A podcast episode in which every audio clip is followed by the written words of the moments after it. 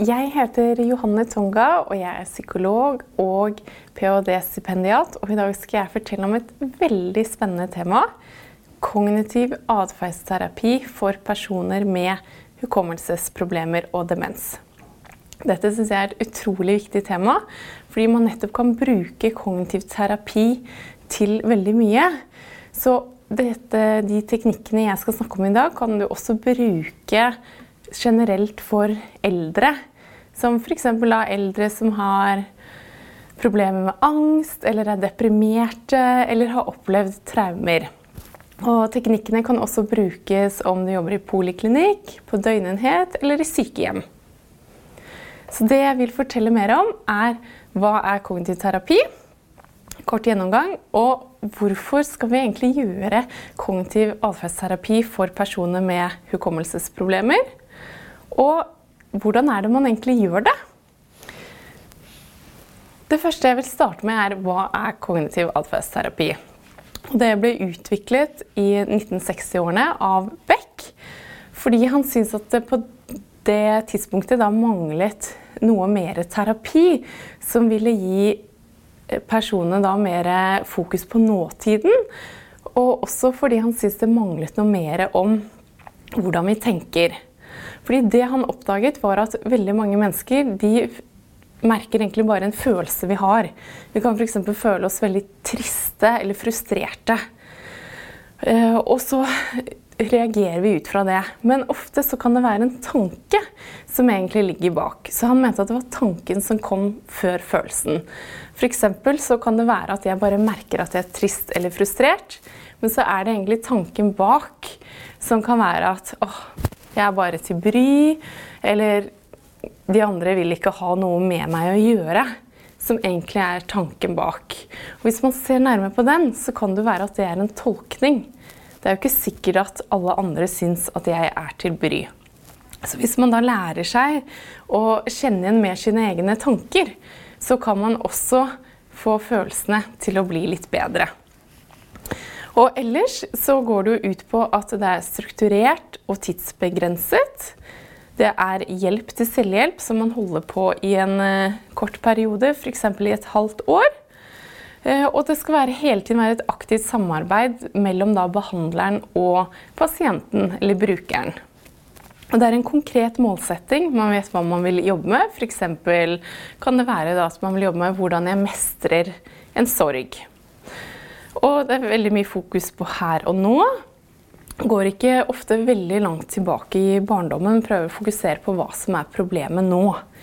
Og så ser man da mye på mestring av av symptomene istedenfor at man skal bli kvitt symptomene. Og dette er jo spesielt da viktig for personer med demens eller hukommelsesproblemer. Vi kan jo dessverre ikke trylle og gjøre noe med det, men hvordan skal jeg da mestre og leve med å ha hukommelsesproblemer resten av livet? Og det er da hjelp til, hjelp til selvhjelp, som jeg sa, og psykoedukasjon, som også går på at man pasientene eller brukerne skal få mye innsikt selv om hva sin egen eh, diagnose eller problemer går ut på. Og så er det ofte hjemmeoppgaver mellom timene, slik at man skal få best mulig effekt av behandlingen. Og så er det eh, på slutten også er det veldig viktig at man ser på tilbakefallsforebygging, eller hvordan man kan jobbe videre med det man har lært i behandlingen. Og når vi da ser på forskning, så ser vi jo at kognitiv terapi Der er det gjort veldig mye forskning som viser at det har god effekt på depresjon hos eldre. Det er også gjort noe forskning hos eldre med angst. Litt forskjellige resultater ut fra hvilken angstdiagnose det er. Men også der har man sett eh, gode resultater. Og så er det jo også gjort noe forskning da mer konkret for personer med demens. Og der er det mm, egentlig generelt veldig få studier, men det er i hvert fall ett studie som er veldig kjent av Terry og hans eh, kollegaer, som fant god effekt av kognitiv terapi når man eh, så på, eller prøvde å redusere depresjon hos personer med demens. Og det gir jo god håp om at man da også kan prøve kognitiv terapi for personer med hukommelsesproblemer eller demens. Og i tillegg så tenker jeg at kognitiv terapi kan være veldig nyttig for denne målgruppen. Fordi vi vet at de også har en del symptomer som f.eks. depresjon. Det er 10-40 eh, eh, av personer med demens som har depressive symptomer. Dette her spriker litt fra studie til studie, og det avhenger av om man har sett på personer som er helt tidlig i sykdomsfasen, sent i sykdomsfasen, eller om de bor f.eks. hjemme eller på sykehjem. Og også da hva slags kriterier man har for demens. Det samme gjelder for angst. Det er jo veldig mange med personer med demens som har angst og bekymringer. Alt fra 8 til 71% Igjen så kommer dette her veldig an på hvilket studie eller hvilke kriterier man ser på, og hva slags studie som er gjort. Og generelt også nevropsykiatriske symptomer som apati, aggresjon, Psykoser det kan være fra 61 til 92 eh, Og det gir jo da grunnlag også for at hvis det er så mange personer med demens som da har depresjon, angst eller f.eks. psykoser, da, så kan det jo gi god grunn for nettopp å prøve å behandle dette også via samtale eller som via da kognitiv atferdsterapi. Og nå som det er så da tydelig at dette her kan være viktig, og at forskning også har vist seg at det kan hjelpe, så skal jeg fortelle litt om hvordan gjør man da egentlig kognitiv atferdsterapi.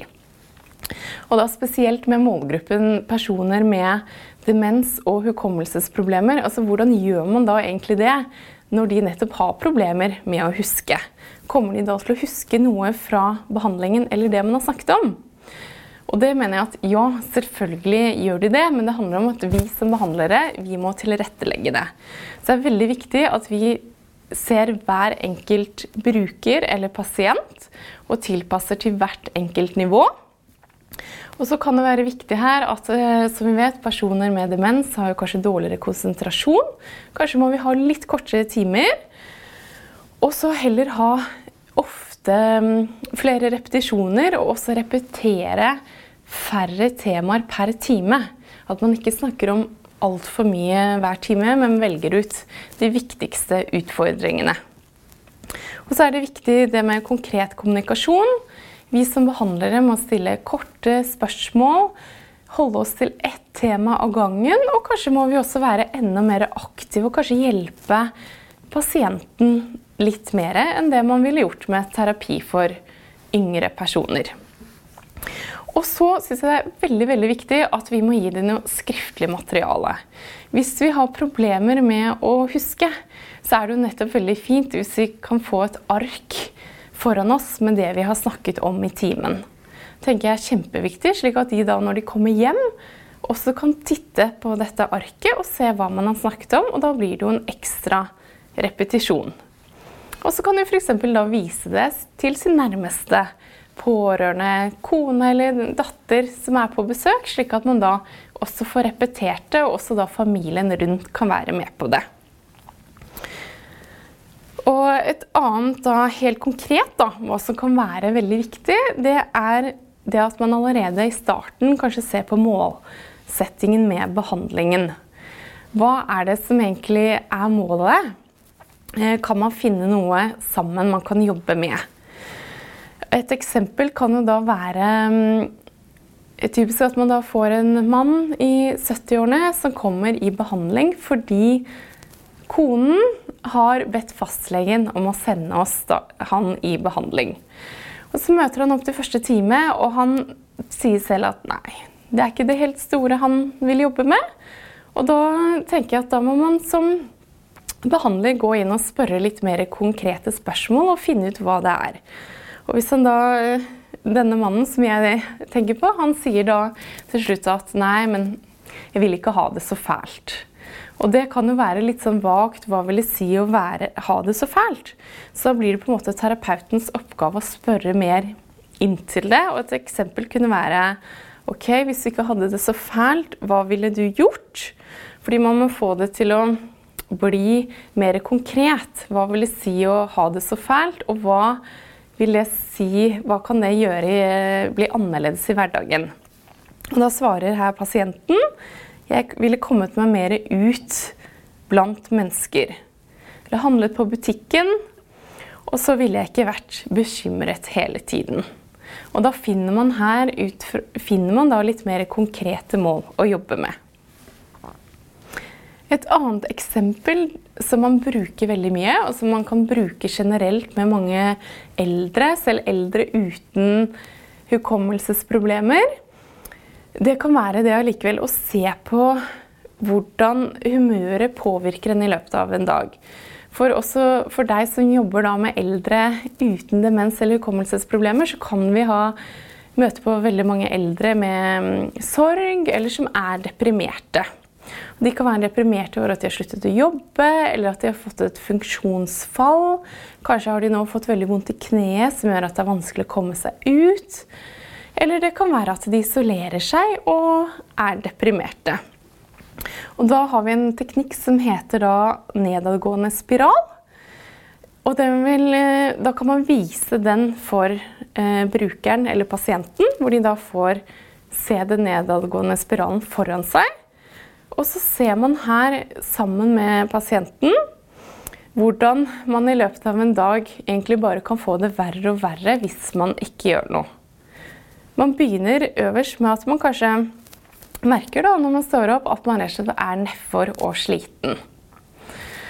Og hvis man lar det gå inn på en, så kjenner man jo da også etter at man syns det er vanskelig å komme i gang med noe. For hvis man i utgangspunktet er sliten, så er det jo vanskelig å gjøre noe som helst. Og da orker man ikke helt riktig å gjøre det store. Man orker ikke gå ut, man orker heller ikke handle, selv om man vet at man burde det. Og da føler man egentlig at man rett og slett ikke opplever noe bra mer. Og så føler man seg egentlig bare dårligere og dårligere, kanskje enda mer sliten. Fordi man får jo, i tillegg til at man ikke har kommet seg ut og gjort noen ting, så får man jo også litt dårlig samvittighet fordi man ikke har gjort noe. Og man trekker seg egentlig enda mer tilbake og isolerer seg. Så gjør at man rett og slett får det dårligere. Og viser man da litt deprimerte pasienter dette her, også deprimerte pasienter med demens, denne nedadgående spiralen, så er dette her noe som de ofte kjenner seg veldig godt igjen i. Kan si at ja, sånn er det for meg. Men det gode er jo at da kan man, når man da har sett at sånn kan det være noen dager, så er det gode at det også fins en oppadgående spiral. Og der ser man jo på hvordan man kanskje starter med samme utgangspunkt. Kanskje starter man der også på morgenen med, å, med at man føler seg sliten og nedfor. Men så bestemmer man seg i stedet da for å følge en plan man har. Kanskje har man bestemt seg for at ok, men når jeg føler meg sliten og nedfor, så er det en hjelp for meg å få tatt på meg klærne mine og gå ut til postkassen. Da vet jeg at da er jeg på en måte litt i gang, og jeg kommer meg litt ut. Så man følger den planen. Og når man da faktisk bare har kommet seg til postkassen og fått på seg klærne og er ute, så kjenner man seg egentlig litt bedre. Og da når man går tilbake til leiligheten, sykehjemmet sitt eller huset sitt, så kan det da være litt lettere å kanskje komme i gang med noen andre ting som man egentlig liker å gjøre.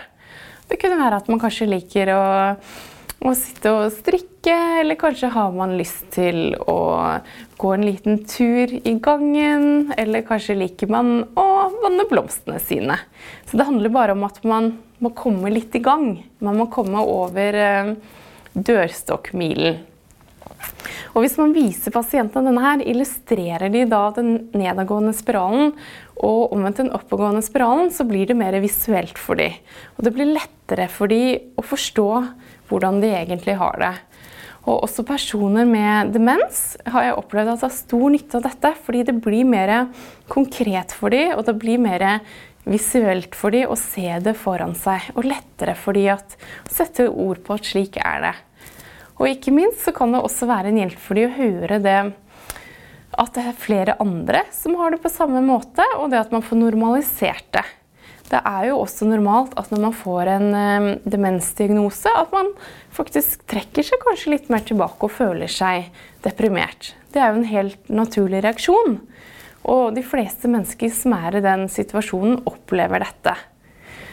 Men ikke dermed sagt at man kan prøve å gjøre litt med det og få noen litt bedre dager, slik at man iblant opplever å ha det litt bedre humør og kanskje opplever at man mestrer situasjonen eller hverdagen litt bedre.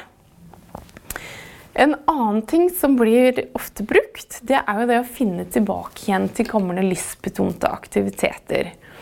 For hvis vi er deprimerte eller nedfor, så er det slik at alt føles litt som et ork. Og kanskje har vi fysiske plager òg. Kanskje har man fått et slag som gjør at det er vanskeligere å gjøre de samme aktivitetene som før. Og da virker det veldig ork å få gjort noe. Men problemet er at får man ikke gjort noe, så blir man mer deprimert.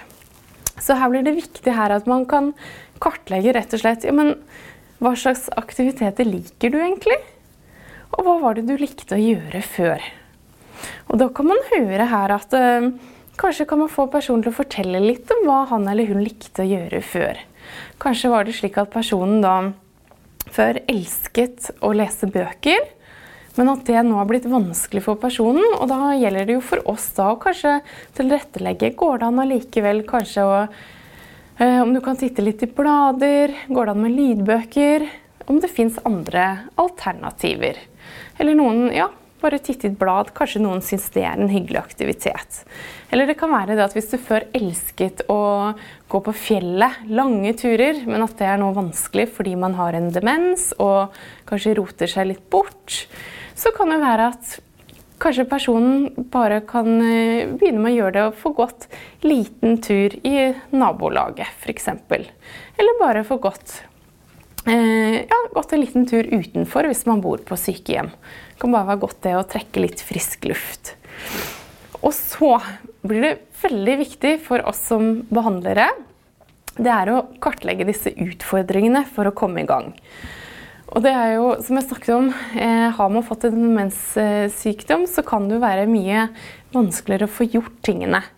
F.eks. det å gå en tur i nabolaget, som jeg nevnte, kan være litt vanskeligere hvis man har begynt å rote seg bort. Så da må man kartlegge litt hva er utfordringen her. Er det eventuelt noen andre man kan gå sammen med? Fordi det man da har sett, er jo det at Eh, mye utfordringer i forhold til det at eh, man har jo de kognitive funksjonene som svekkes. Man har dårligere konsentrasjon. Det er eh, orienteringsproblemer, og planleggingsevnen er kanskje også dårligere. Som gjør at det er vanskeligere å komme seg ut. Og så er det en annen aspekt her som man ser ved denne modellen her. Og det er at også kan man ha veldig mye depressive symptomer. Det er vanskelig å komme i gang med aktiviteter. Man kanskje mangler initiativ. Så det blir også vanskelig at vi ser på da, hvordan skal vi overkomme det. Eh, og det siste er jo også det forholdet til andre. Mange syns jo det kan være litt stigmatiserende og kanskje litt flaut å spørre andre om hjelp. Så her blir det veldig viktig at vi også ser på hvordan man kan løse det. Og alle disse problemene her i denne modellen eh, Her har jeg skrevet av demens egentlig i midten av denne modellen. Men jeg tror at disse barrierene her gjelder for veldig mange personer i alderspsykiatrien og geriatrien. Det kan jo også være personer ja, som har hatt slag. Det kan være personer som har opplevd traumer, personer med funksjonsfall eller personer i sorg. Også de kan jo oppleve mye av de samme barrierene. Så jeg tenker at det blir uansett viktig hvor du jobber, og prøve å se litt på de barrierene og prøve å komme med forslag til hvordan man kan løse det. Og Det neste jeg skal snakke om, det handler om å utforske tankene. Og Dette er jo også veldig klassisk kognitiv terapi. At man prøver å se på de tankene som ligger bak. Og da hos personer med demens så kan det være veldig mye det at man Jeg vil ikke være til bry. Og det kan være at jeg føler meg dum når jeg ikke husker. Og mange sier også at eh, men jeg kommer til å ende opp som grønnsak på gamlehjem. så jeg har ikke noe å leve for. Og det kan være jeg blir fortere sliten enn før. Dette her kan være negative automatiske tanker som bare dukker opp uten at man egentlig tenker over dem. Og når det kommer til kognitiv terapi, så handler det ikke nødvendigvis at vi skal få de til å bare tenke slutt å tenke på det. For det som skjer da, det er at man tenker enda mer på det. Et eksempel kan jo være nå at jeg sier til deg slutt å tenke på en rød postkasse nå det neste minuttet. Du må absolutt ikke tenke på denne røde postkassen. Det som skjer da, det er at vi egentlig tenker enda mer på den røde postkassen. Så her handler det om at vi har lov til å tenke disse tankene. Men man kan prøve å se om det kanskje går an å modifisere det litt. Kanskje finner man noen mer hensiktsmessige tanker som kan gjøre det litt lettere for oss i hverdagen. Og det igjen så handler det ikke om at vi bare skal snu alt slik at alt bare blir kjempepositivt. Fordi flere av disse tankene her kan jo være, kan jo være en liten sannhet i det. F.eks. det at man blir fortere sliten enn før. Det kan jo rett og slett være helt sant. Så det handler ikke om at man bare da skal gå rundt og si til seg selv at eh, nei, det er ikke sant. Men mer det hva kan være en hensiktsmessig tanke? Eh, og da kan man spørre seg selv, utforske tanken litt. Er denne tanken hensiktsmessig for meg? Overdriver jeg? Kan jeg spå inn i fremtiden? Og hva ville jeg sagt til en venn eller venninne i samme situasjon? Et eksempel kan jo være den tanken at eh, jeg kommer til å ende opp som grønnsak på gamlehjem. Og ingen kommer til å besøke meg, jeg kommer til å ha et forferdelig liv. Kommer ikke til å huske noen ting. Det er det mange som sier. Men det er jo slik at uh, det kan jo være man overdriver litt. For alle kan jo ikke spå inn i fremtiden. Og det kan jo være at man kan klare seg hjemme i en del år til, og kanskje til og med mestre hverdagen litt bedre. Så her handler det om at man rett og slett prøver seg på å modifisere tankene sine, slik at det ikke blir så svartmalt. Og her kan alternativ eksempel, alternative tanker f.eks. være Mine gode venner de stiller opp for meg, så derfor er jeg ikke til bry. Og det er helt greit at jeg bruker litt tid på å svare på spørsmål når jeg ikke husker svaret. F.eks. hvis man føler seg dum hvis man ikke husker. Og når man tenker på det at eh, man ender opp på en grønnsak på gamlehjem, så er ikke det nødvendigvis at det blir slik. Man kan klare seg hjemme, og man gjør så godt man kan. Og livet blir annerledes enn jeg hadde sett for meg, men kanskje får man noen gode dager allikevel. Og her handler det rett og slett bare på å øve seg på å se det litt annerledes, og kanskje ha, eh, være litt mer snill mot seg selv, og ikke være så redd for å være til bry. Og mange spør meg her da, når man da ser på det og utforsker tankene litt, så er det mange som lurer på om kan man egentlig gjøre det hos personer med demens? Hvis de glemmer så fort, hjelper det egentlig at vi jobber på denne måten? Og det mener jeg absolutt at det gjør. Fordi veldig mange personer med demens klarer å kartlegge litt hvilke tanker som ligger bak, hvis vi som behandlere hjelper de litt med å finne fram til det. Det annet er også at jeg har opplevd egentlig stor suksess med at det hjelper å få de til å øve opp litt alternative tanker. Og også at de kan lære litt nytt eh, og tenke litt annerledes. Fordi det er klart at Hvis de hele tiden har den tanken at 'jeg vil ikke være til bry', så tenker jeg at det her eh, vil faktisk gi god effekt om man øver seg de på å trene opp litt den tanken til å se litt annerledes på situasjonen. Og at dette her også går for personer som faktisk sliter med å huske. Men hvis vi som behandlere tilrettelegger med mye skriftlig materiale, slik at de også husker hva vi har snakket om etter timen, så blir det mye lettere for dem. Og da kommer jeg til neste punkt, som handler om hjemmeoppgaver. Og her ser dere et eksempel på hvordan man kan gjøre det. Her øverst kan man skrive datoen. Og så kan man skrive litt om hva man har snakket om i dagens time. F.eks. har man da snakket om å øve seg på ikke være ikke, At man kan se litt alternativt på det å At man nødvendigvis ikke er til bry for andre, men at man har mange gode venner rundt som gjerne vil stille opp. Og så blir da kanskje hjemmeoppgaven, da. Eh, her blir da å spørre da bestevenninnen sin eller naboen om kanskje den kan hjelpe deg med å gå en liten tur i området. F.eks. hver tirsdag. For å gjøre det litt sånn konkret. Og så skriver man også da datoen for neste time. Så her, dette arket illustrerer bare hvor enkelt man kan gjøre det. Bare det at man får skrevet litt ned hva man har snakket om i timen, og også skriver ned veldig konkret hva hjemmeoppgaven er, så gjør det det mye lettere for brukeren. Dette her kan man også gjøre da hvis man jobber på sykehjem.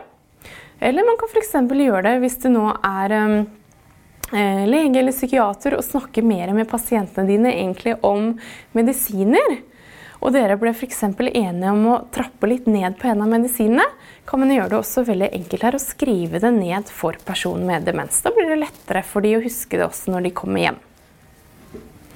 Så dette her var noen teknikker som jeg tenker at man kan bruke. Og så vil jeg snakke litt om de kliniske implikasjonene rundt det.